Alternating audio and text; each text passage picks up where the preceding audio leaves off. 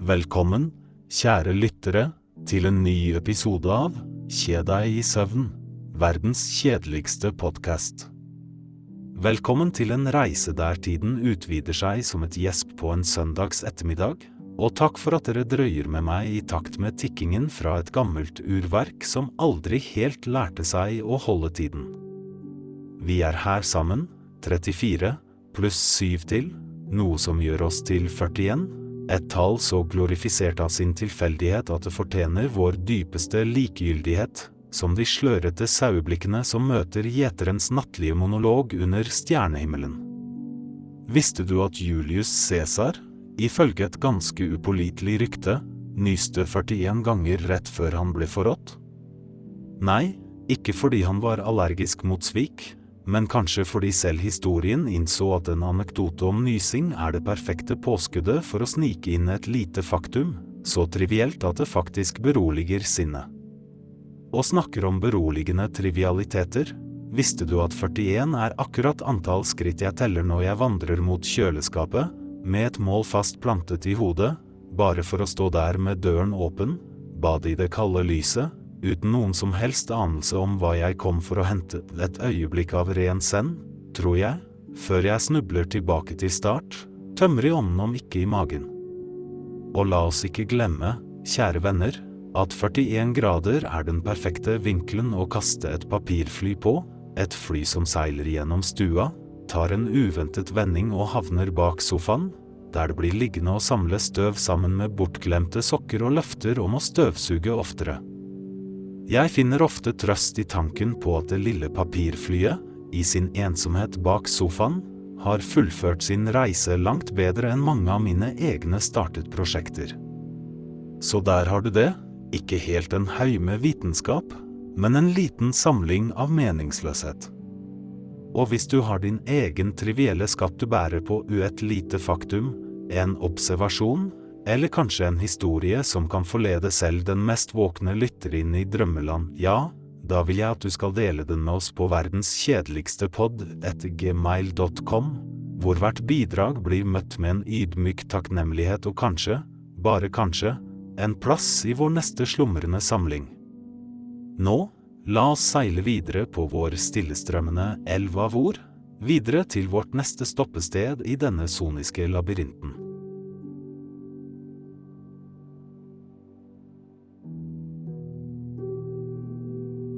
På min siste vandring langs en av disse skjebnebestemte økonomiske elvene, kjent som det makroøkonomiske mangfold, støtte jeg på en gås av så bemerkelsesverdig statur at dens hals syntes å krølle seg i en økonomisk vekstkurve, og det var ikke noe vanlig knekkpunkt i dens BNP, bruttonasjonalproduksjon av kvakking, kan du si.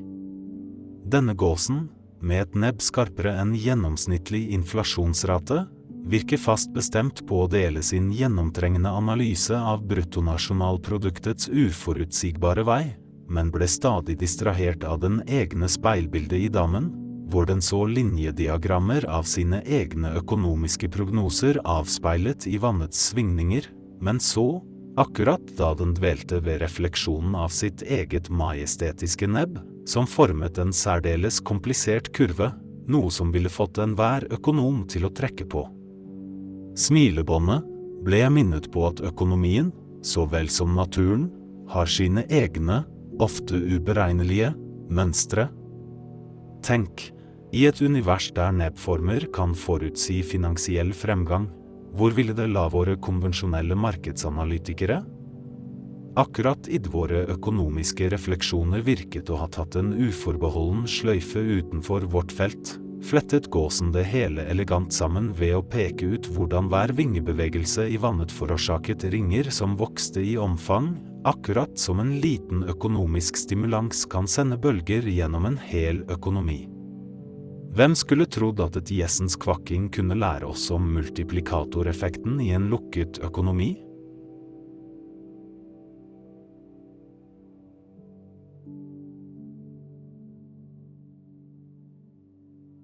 På den lokale kafeen hvor espressoens aroma vanligvis komplementerer de intellektuelle diskusjonene om økonomisk politikk og dens intrikate effekter på samfunnet, skjedde det noe uventet. Baristaen, en kjent entusiast av det teoretiske, begynte å sammenligne økonomisk balanse med kaffebrygging, noe som ikke umiddelbart virket relevant, men heng med. Med hver presise måling av kaffegrut lignet han det med nøye kalibrerte finanspolitiske tiltak, og vannets temperatur med rentenivåer satt av sentralbanken for varmt, og økonomien overheter, for kaldt, og veksten stagnerer. Mens han dekorerte latterkunst, sa han at den delikate balansen mellom melk og espresso kunne sammenlignes med forholdet mellom import og eksport, der for mye av det ene ødelegger den harmoniske balansen i handelsbalansen. En avsporing inntraff da han filosoferte over den ideelle temperaturen for å dyrke de perfekte kaffebønnene, som tilsynelatende ikke hadde noe å gjøre med makroøkonomi, men snart trakk han paralleller til klimaendringers innvirkning på global økonomisk stabilitet. Hvordan en liten endring i miljøet kan forårsake store skift i produksjonskostnader og ressursfordeling. Han avrundet sin tirade med en betraktning om at slik som en baristas ferdigheter avgjør kvaliteten på kaffen, bestemmer politiske beslutningstakere kvaliteten på økonomisk vekst, og derfor, mente han, burde økonomistudenter kanskje vurdere et deltidskurs i kaffebrygging for å forstå essensen av makroøkonomisk balanse.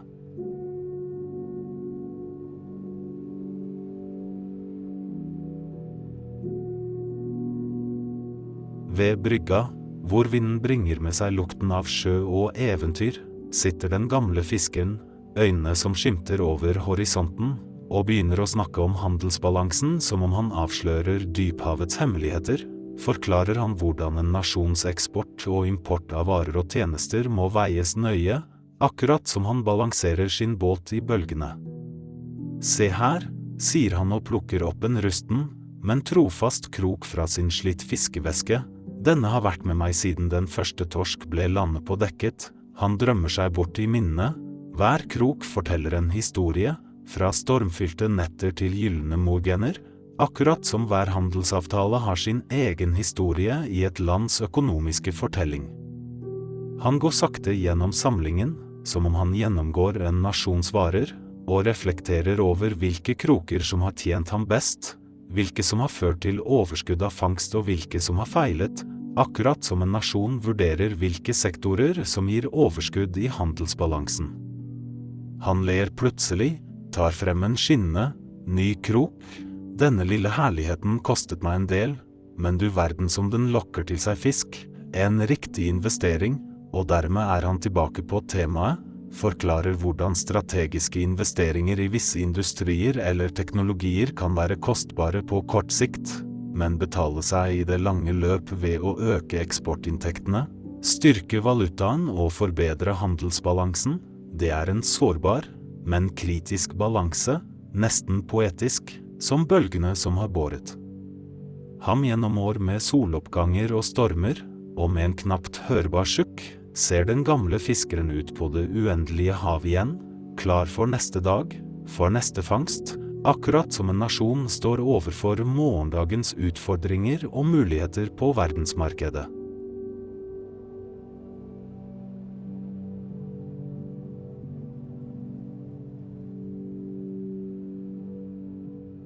I det filosofiske hjørnet av vår tankeverden sitter spørsmålet om pengenes verdi, og vi rusler nedover historiens alle til vi snubler over den kjedeligste mynten noensinne preget, hvis verdi var mindre enn metallet den var skapt av, en påminnelse om at verdi er et flyktig konsept, stadig i endring etter menneskets luner og økonomiske vindkast. Den første betraktningen slår fast at penger i sin natur er et løfte om verdi, ikke verdi i seg selv, noe som leder oss til spørsmålet om tillitens rolle i dagens makroøkonomi, hvor digitaliseringen har fjernet oss ytterligere fra den fysiske verdien av penger. Deretter tenker vi på Fiat-pengenes natur, som bare har verdi fordi en regjering bestemmer at det skal ha det, et dobbeltkantet sverd som på den ene siden gir stabilitet, men på den andre siden kan lede til hyperinflasjon om tilliten svikter. I en verden som stadig endres, blir vi minnet på at økonomier som ikke tilpasser seg, vil falle bak, slik myntens verdiløshet kan fortelle oss om en stat som ikke klarte å holde tritt med metallverdien i sin valuta. Fordelen med Fiat-penger er deres fleksibilitet, tillater de oss å manøvrere gjennom finanskriser med verktøy som kvantitative lettelser, men dette fører oss til en annen betraktning, nemlig faren for gjeldsopphopning og fremtidens økonomiske byrde. Tenk på klimakrisen, hvor den nåværende økonomiske modellen oppmuntrer til vekst på bekostning av miljøet, en filosofisk kabal som utfordrer oss til å finne en balanse mellom velstand og bærekraft. På en mer triviell side kan vi fordype oss i en liten digresjon om at den kjedelige mynten muligens er den eneste mynten som aldri har vært med i et myntkast, den ble rett og slett for kjedelig å spille med. Men kanskje, akkurat som denne mynten, er det i det kjedelige vi finner plass til refleksjon og kritisk tanke, hvilket fører oss tilbake til de viktige spørsmålene. Og hva med den teknologiske utviklingen som gir oss kryptokurensies, en nymotens refleksjon av myntens verdiløshet, og enda et eksempel på vår evige søken etter verdi? I vår samtid står vi overfor valget mellom økonomisk vekst og sosial likhet, mellom privat rikdom og offentlig gode, og i denne balanseakten må vi spørre oss selv, hva er egentlig verdifullt? Og mens vi grubler på dette, vil mynten, kjedelig som den er, fortsatt ligge glemt. Et minne om at verdien vi tillegger ting kan endres så lett som ord i en podkast kan flomme og ebbe.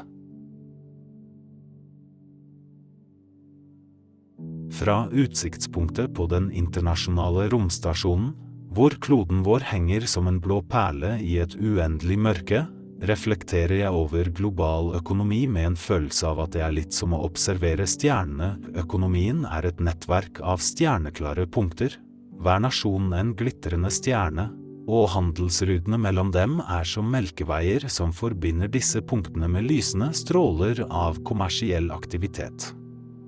Inflasjonen kan minne om en supernova, ekspanderende i et ellers stabilt stjernebilde, mens en økonomisk krise kan ligne et sort hull, et område så tett og tungt at ikke engang lys kan unnslippe det. Ser du, her oppe blir selv en handling så triviell som å klippe neglene til en øvelse i mikrogravitasjonens tålmodighet.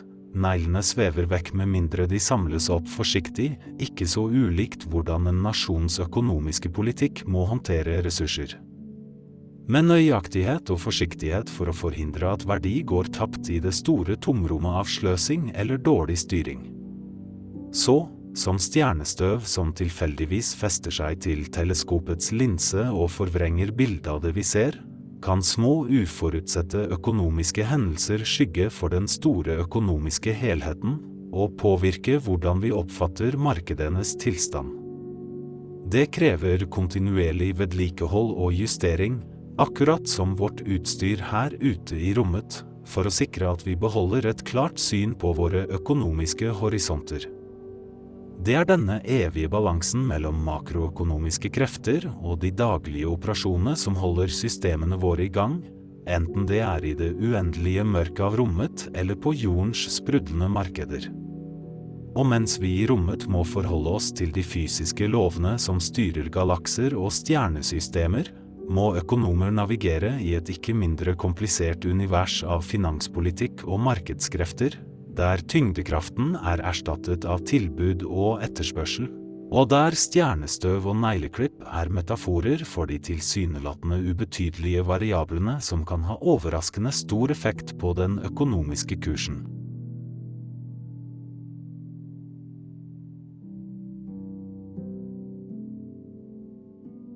Å forstå makroøkonomi kan være som å grave dypt i en potetåker, for hver potet representerer en del av økonomien, og størrelsen og kvaliteten på poteten kan fortelle deg mye om tilstanden til markedet. Potet for potet avdekker vi tilbud og etterspørsel. Når potetavlingene er gode og potetene er mange, prisen kan falle, det er som en økonomi i overskudd. Det er mange poteter, men ikke nok kjøpere, og da må man tilpasse seg. Men skulle en potet få en sykdom og avlingen blir dårlig, da vil prisen på en potet skyte i været, For plutselig er poteten ikke bare en enkel grønnsak, men en sjelden vare. Det minner oss om skjørheten i en økonomi som er avhengig av enkelte sektorer. Og, og ikke glem den potetskrelleren, et enkelt, men vakkert verktøy som skaper verdi av poteten ved å gjøre den klar for markedet, og her ligger en lekse i effektivitet og bearbeiding som øker enhvers markedsverdi. På en potetgård blir hver potet nøye vurdert, akkurat som konsumprisindeksen vurderer en kurv av varer og tjenester for å måle inflasjon, hver potet teller, og hver forandring i prisen på en potet kan indikere en endring i kjøpekraft og økonomisk helse. Så poteten, i all sin enkelhet, er en stjerne i makroøkonomiens univers, og som potetbonden studerer jordens gaver, studerer økonomen markedets dynamikk, og hver potet blir en metafor for de utallige variablene som former vår økonomiske virkelighet.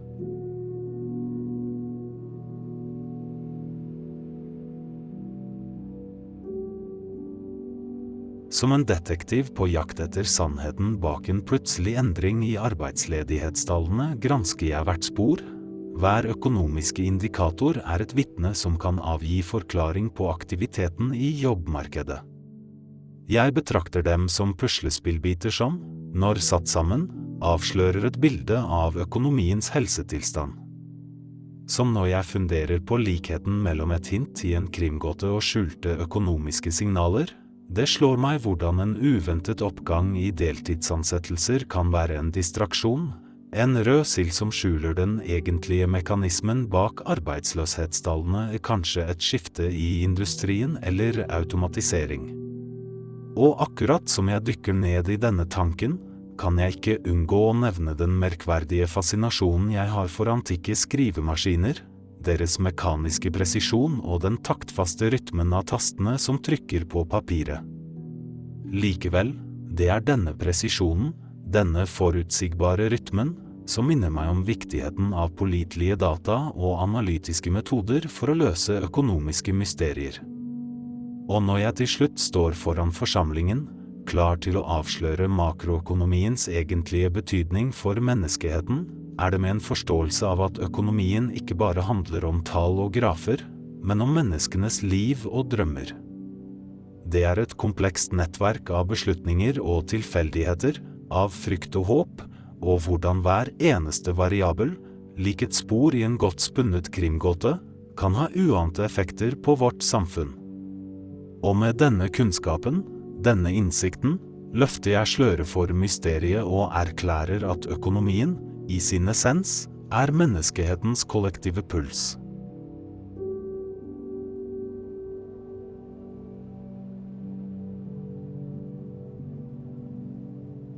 Så der står en da, en sjømann med en fot i hver verdenshavn og en flaskerom i hver neve, og han prøver å forklare meg om valutamarkedene, hans ord så sjanglende som skuten i storm.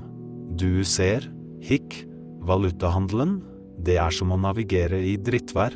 Du må vite når du skal holde fast og når du skal slippe ankeret, ellers så blir det man over bord, rett ned i Davy Johns skattkiste, he-he.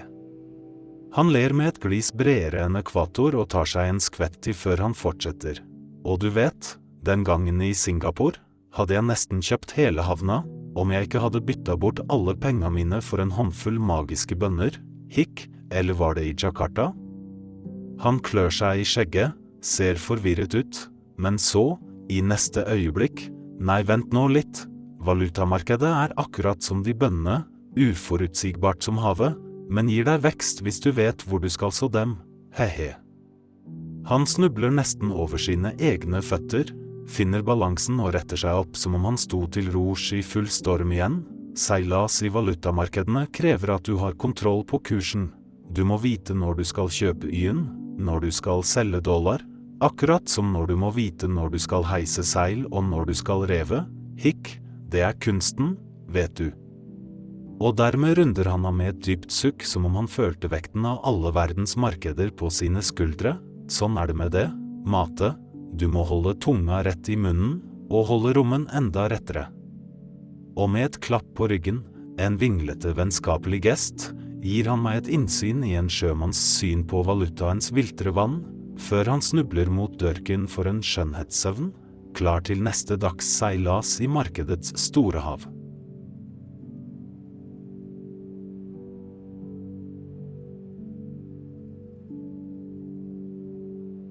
Økonomisk vekst, sier du, det er som en tregkokt gryterett, du må ha de riktige ingrediensene og tålmodigheten til å la det småputre. For det første, du trenger investeringer som kjøttet i gryta, solid og næringsrikt, det gir kraft. Du må også ha teknologiske fremskritt, de er som krydderet som hever smaken, mens arbeidsstyrkens utdannelse er grønnsakene som gir substans. Men her er tingen, for mye av det gode kan være for mye, som salt økonomisk vekst kan føre til miljøskader, som en brent rett, og ulikhet kan øke, akkurat som noen ganger får noen mer kjøttbiter i gryta enn andre. Og snakker om kjøttbiter, visste du at jeg oppdaget laurbærbladet så sent i min karriere?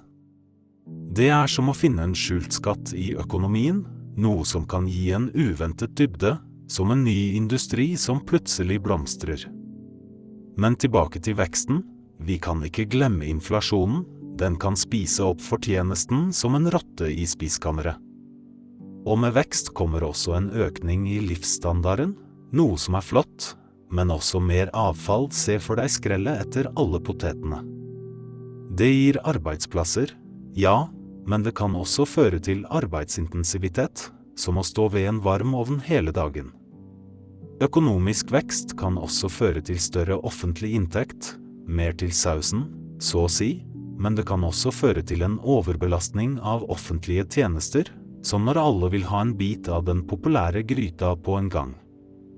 Det kan bidra til teknologiske forbedringer, som en skarp kniv gjennom en tomat, men noen ganger betyr det også en kultur for overforbruk, der vi alle er skyldige i å ta for mye på tallerkenen.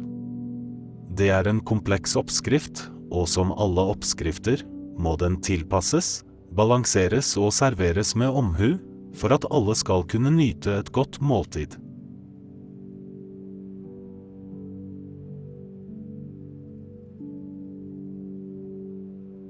Ser du, makroøkonomi er som en stor fotballkamp, der hver spiller har sin rolle i det større spillet.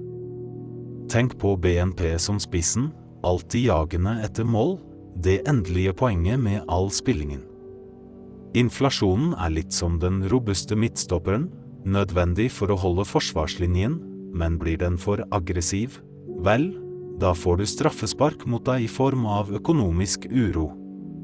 Renta, nå, hun er keeperen, regulerer flyten av spillet, klar til å hoppe inn og redde dagen når inflasjonen stormer forbi forsvarslinjen.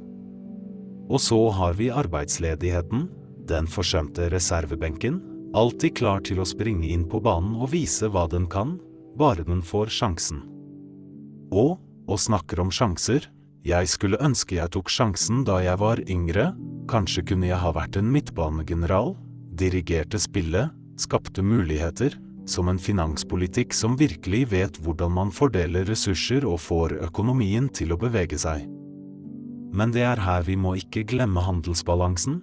Den er som vingen, svever på sidelinjen, alltid på utkikk etter en mulighet til å eksportere ballen langt ned banen og importere et triumferende mål. Husk også valutakursen. Den er den listige angrepsspilleren, ustabil og uforutsigbar, kan vippe spillet til din favør eller mot deg i løpet av sekunder. Gjeld er kanskje dommeren, holder et øye med alle og gir ut advarsler og kort når ting blir for risikable. Og jeg kan ikke la være å tenke på skattepolitikken som treneren, den som setter strategien og justerer taktikken for å oppnå det beste resultatet. Makroøkonomi, akkurat som fotball, handler om lagarbeid, strategi og evnen til å tilpasse seg når spillet endrer seg. Det er et spill av balanse, innsikt og ja, litt flaks. Og som i enhver god kamp, må alle spillere være oppmerksomme, for økonomien tar ikke pause, og det neste målet kan være rett rundt hjørnet.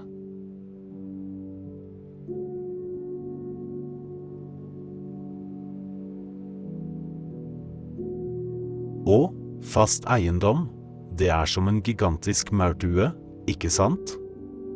Hver lille krinkelkrok har sin betydning, hvert steingard, som den jeg målte opp i fjor, hvor hver eneste stein var et eget lite økosystem med de mest interessante småkrypene, viser til en større helhet, akkurat som hver sektor i økonomien. Men nå skal jeg fortelle deg min definisjon av makroøkonomi. Det er som å kartlegge et landskap med kun et kompass og et gammeldags målebånd.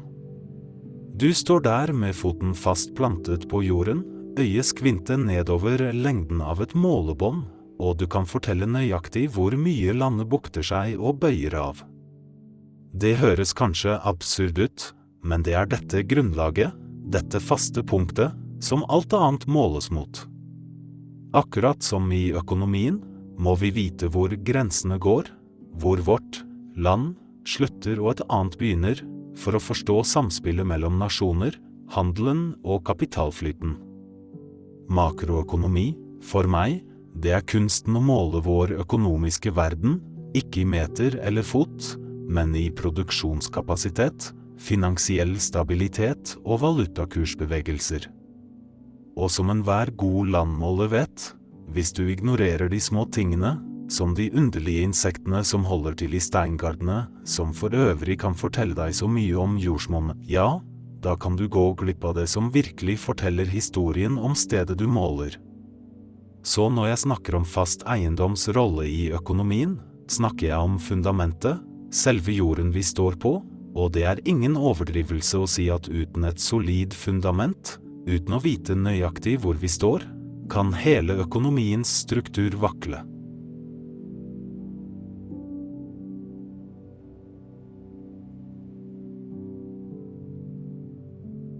Se for deg finansmarkedene, mine damer og herrer, som en tryllekunstners scene hvor inflasjonen forsvinner med et knips, verdien på valutaen plutselig dukker opp i hatten og aksjemarkedet, vel, det er den delen av showet hvor du aldri vet om kaninen faktisk kommer til å hoppe ut. Det er alt sammen et spill med persepsjon og forventning, med makroøkonomi som den store illusjonen, en serie av komplekse triks der sentralbankene jonglerer renter som glødende kuler og regjeringene trekker budsjettiltak ut av tommeluften. Men du lurer kanskje på hvor sokkene tar veien i vaskemaskinen, ikke sant? Det er som det uforklarlige øyeblikket i et finansielt krasj. Plutselig er halvparten av dine sokker, EH, jeg mener verdier, forsvunnet, og du står igjen og klør deg i hodet. Det krever ingen magi å innsi at sokkene er et offer for samme mystiske krefter som svingningene i markedet, en ukjent dimensjon hvor både sokker og aksjekurser forsvinner og dukker opp igjen etter eget forgodtbefinnende. I makroøkonomien, som i magi, er det alltid en forklaring, selv om den kan være skjult for det blotte øyet eller kamuflert i en sky av røyk og speil. Vi magikere, vi forstår at det ikke alltid er det du ser som teller, men det du ikke ser, og økonomiske fenomener, som bobler som vokser seg store bare for å sprekke, eller plutselige markedssvingninger, de er ingenting annet enn våre forventningers speilbilde, illusjoner spunnet av menneskesinnet, og som alle gode triks, trenger de kun en trone for å bli virkelighet.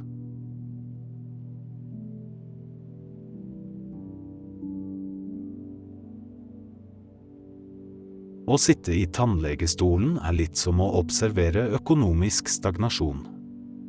Man vet at man befinner seg et sted viktig, men tiden strekker seg ut og forandring synes ikke å finne sted, ikke ulikt hvordan vi venter på at økonomiske tiltak skal vise sine effekter. Tannlegemiljøet lever i en parallell virkelighet av økonomien, hvor selv den mest avstumpede rotfylling synes å ha mer umiddelbar påvirkning enn pengepolitikkens gradvise endringer. Og mens vi tannleger tygger over de siste forskningsrapportene, kan man ikke unngå å legge merke til at våre kolleger på ørenessehals ofte har mer direkte resultater å vise til. Deres verden er et øyeblikkets sted, hvor fjerning av en polypp kan ha umiddelbar effekt på pasientens velvære, mens vi stirrer ned i avgrunn av en munn full av muligheter og langsiktig forbedring. Og nå til de minst interessante tannlegemagasinene, som ligger spredt på venteværelset. Deres ensformighet og forutsigbarhet er en refleksjon av den økonomiske tilstanden vi ofte finner oss i, full av gamle nyheter og utdaterte økonomiske teorier som sjelden blir lest. Men selv i disse sidene finner vi ekko av de samme prinsippene som driver økonomien. Sykluser av informasjon og interesse som går opp og ned, ikke ulikt rentenivåene. Så, i tannlegens venteværelse er vi vant til å se langt utover den umiddelbare horisonten, og vi skjønner at selv i tilsynelatende stillstand skjer det endringer, som plakk som bygger seg opp til tross for stillhetens tilsynekomst. Og det, mine venner, er hvor tannlegens perspektiv kaster lys over makroøkonomien. Det er alltid noe under overflaten som venter på å bli oppdaget, om det så er i munnen eller i markedet.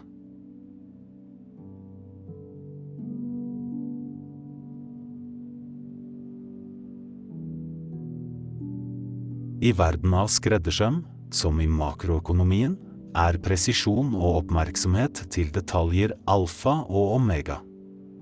Vi skreddere forstår at å måle riktig kan være forskjellen på en dress som sitter som et skudd og en som er ubrukelig, på samme måte som tolkning av økonomiske data krever en nøyaktig hånd. Når jeg forklarer dette konseptet til min toårige, bruker jeg fargerike knapper fra min samling som metaforer. Jeg sier, se, hver knapp representerer en økonomisk handling, noen store, noen små, men alle må syes på riktig for at jakken skal holde. Og A, knappesamlingen min, en verden av miniatyrunivers hvor hver eneste liten disk representerer en historie, en periode, en funksjon som pengepolitikkens forskjellige verktøy. Og akkurat som jeg sorterer knappene etter størrelse, form og farge, må en økonom sortere data for å skape en forståelse av det større bildet. Så, når jeg holder en knapp mellom fingrene, er det ikke bare en knapp. Det er en leksjon i økonomisk ansvarlighet, hvor hver detalj teller, hvor hver tråd i stoffet er en del av et større nettverk av økonomiske sammenhenger. Denne tankegangen syr sammen økonomien med skreddersøm, hvor målingene ikke bare er centimeter på et målebånd, men også indikatorer på finansiell helse og velvære. Og til mitt barn, ja, selv i så ungen alder, formidler jeg disse konseptene gjennom enkle analogier. Hvis vi ikke deler godteriet vårt, ligner det når folk ikke investerer pengene sine, og da blir jakken, eller økonomien vår aldri så fin som den kunne vært. Slik vever vi sammen den komplekse verdenen av økonomi med de grunnleggende prinsippene i livet, en tråd om gangen.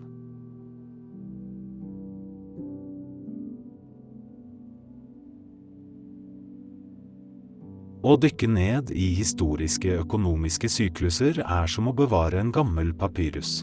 Man må forstå sammenhengen før man forstår dokumentet. Ta for eksempel de gamle egypternes handelsnettverk, så komplekst og forseggjort som den mest delikate papyrus, som ble tørket og behandlet med den største omsorg for å overleve årtusener.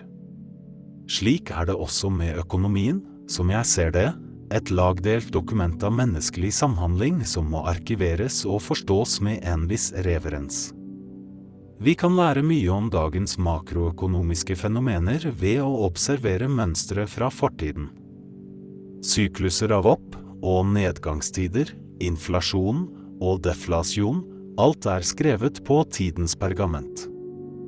Nå, noen ville si at å gå på om den korrekte fuktigheten for lagring av disse antikke manuskriptene virker utenomjordisk o, vel, kanskje det er det, men her er poenget. Akkurat som papyrusen trenger riktig miljø for å overleve, trenger økonomier riktige politiske og økonomiske forhold for å blomstre. Arkivarens jobb, min jobb, er å kartlegge fortidens feilsteg og suksesser, som økonomenes jobb er å bruke disse kartene for å unngå fallgruvene i fremtidige økonomiske beslutninger. Dette er filosofien min. Forståelse av økonomi krever et langt blikk bakover for å navigere veien fremover, og det er dette jeg lever for, å finne mønstre i kaoset, orden i rotet, fordi makroøkonomien, akkurat som historien, gjentar seg selv, men bare hvis vi har arkivert den riktig.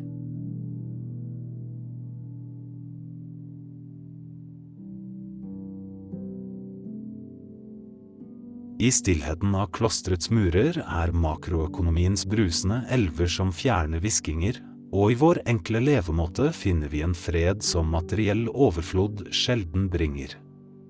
For oss er økonomi som et blad som driver forbi i bekken, merket og anerkjent, men aldri fastholdt. Når jeg betrakter vår hage, et sted for meditasjon og arbeid, ser jeg naturens sykluser, og jeg tenker at også økonomien har sine sesonger av vekst og tilbakegang.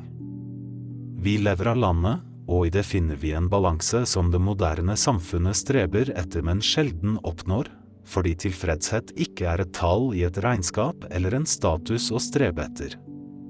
Og vet du, det er i ryddingen av løv og røtter at man finner en parallell til økonomiens kompleksitet.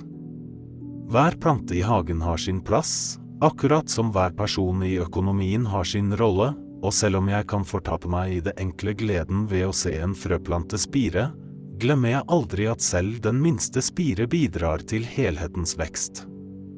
Slik står det til med økonomien også. Hvert enkelt bidrag, stort eller smått, påvirker det store bildet. I vår kontemplasjon unngår vi ikke økonomi. Vi observerer dens virkning fra et sted av indre stillhet, og kanskje, bare kanskje, hvis samfunnet vårt kunne lære å verdsette det enkle, kunne vi alle finne litt mer av den freden.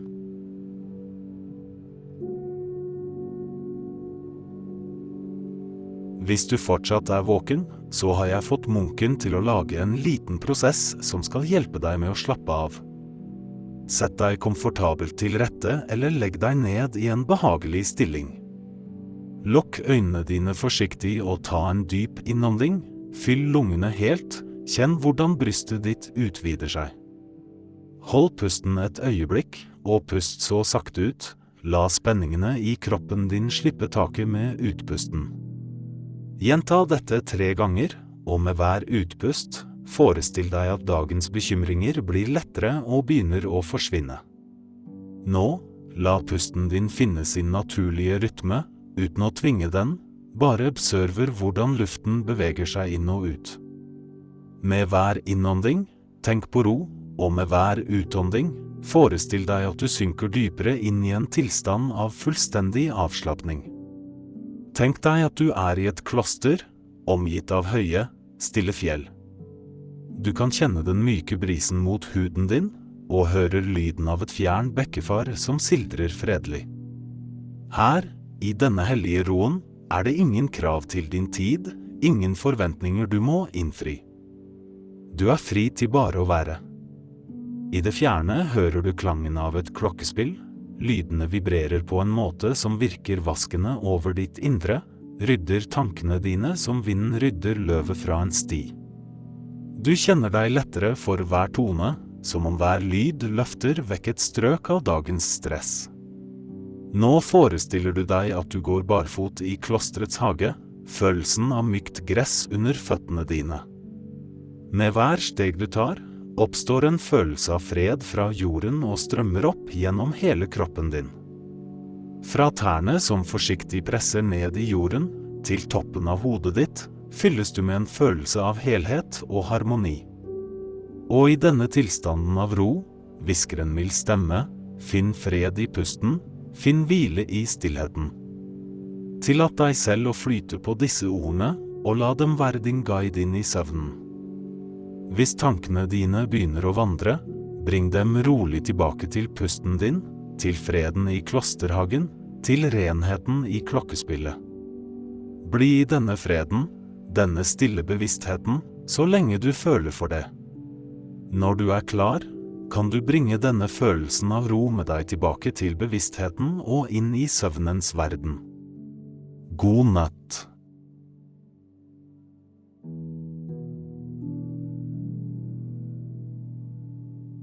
I en verden hvor grensene mellom virkelighet og fantasi er like flytende som fargene på et lerret av Salvador Dali, forestill dere en konferanse ledet av en flokk snakkende flamingoer. Hver står på et ben rundt et bord formet som en halvmåne. De diskuterer ivrig den siste rapporten om økonomisk vekst eller mangel på sådan.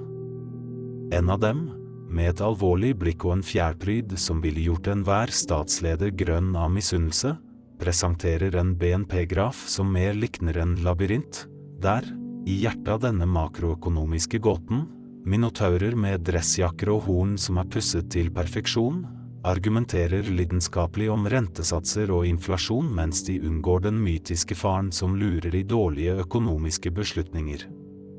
Og det er her, akkurat idet du tror at dette ikke kan bli mer bisart, at en filosofisk tanke griper inn, som et spøkelse fra en annen dimensjon, og stiller det tidløse spørsmålet om livet, universet og alt, og selvfølgelig, svaret er 42, men ikke bare det, det er et håp, et ønske, om at kanskje, bare kanskje, neste uke, vil vi nå den magiske summen av 42 lyttere, for så å fordoble og snu denne absurde virkeligheten til vår nye fantastiske normalitet. Og før vi avslutter denne ville og uforutsigbare reisen, la oss ikke glemme den beskjedne potteplante som står i hjørnet av rommet, en potteplante som kanskje er det eneste elementet som ikke har en mening i dette scenarioet, men selv den, på sin egen merkverdige måte, bringer en slags jordnærhet til denne surrealistiske forsamlingen, for akkurat som potteplanten, er det vi som gir næring til økonomien, det er vi som gir liv til tallene og grafene, og det er vi som, til slutt, sitter tilbake og lurer på hva i alle dager var det som nettopp skjedde?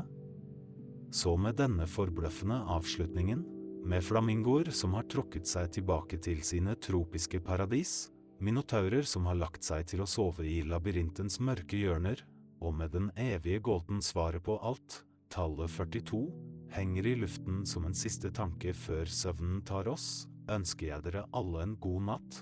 Må drømmene deres være like fargerike og eventyrlige som denne reisen vi nettopp har vært på.